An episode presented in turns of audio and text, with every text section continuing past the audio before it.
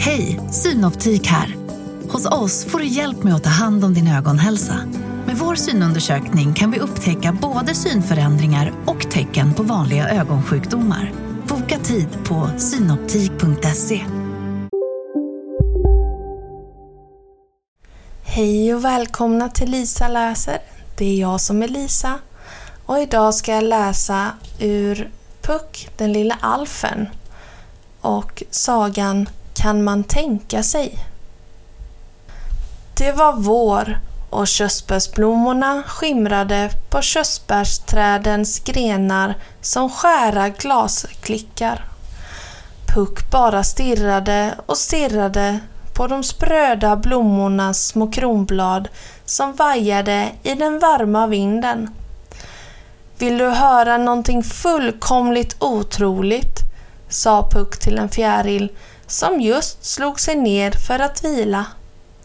Ja, gärna, utbrast fjärilen.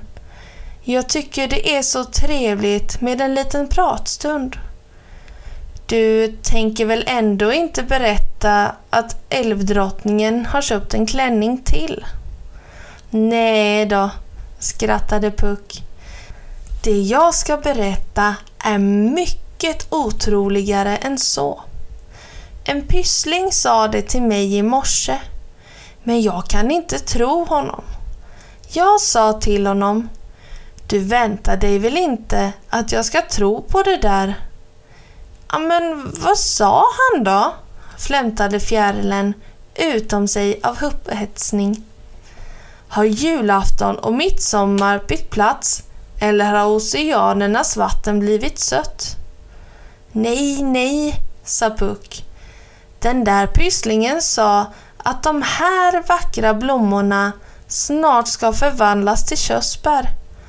Du vet, sådana där bär som man kan äta och som de stora älvorna gör pajer av. Kan man tänka sig. Som om blommor skulle kunna förvandlas till körsbär. Fjärilen suckade. För visst kan blommor bli körsbär. Du är inte så gammal, eller hur? frågade hon Puck.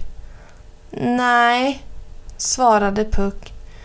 Du har fortfarande massor att lära, sa fjärilen och fladdrade iväg.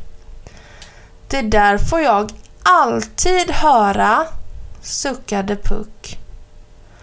Och snipp, snapp, snut så var denna korta saga slut.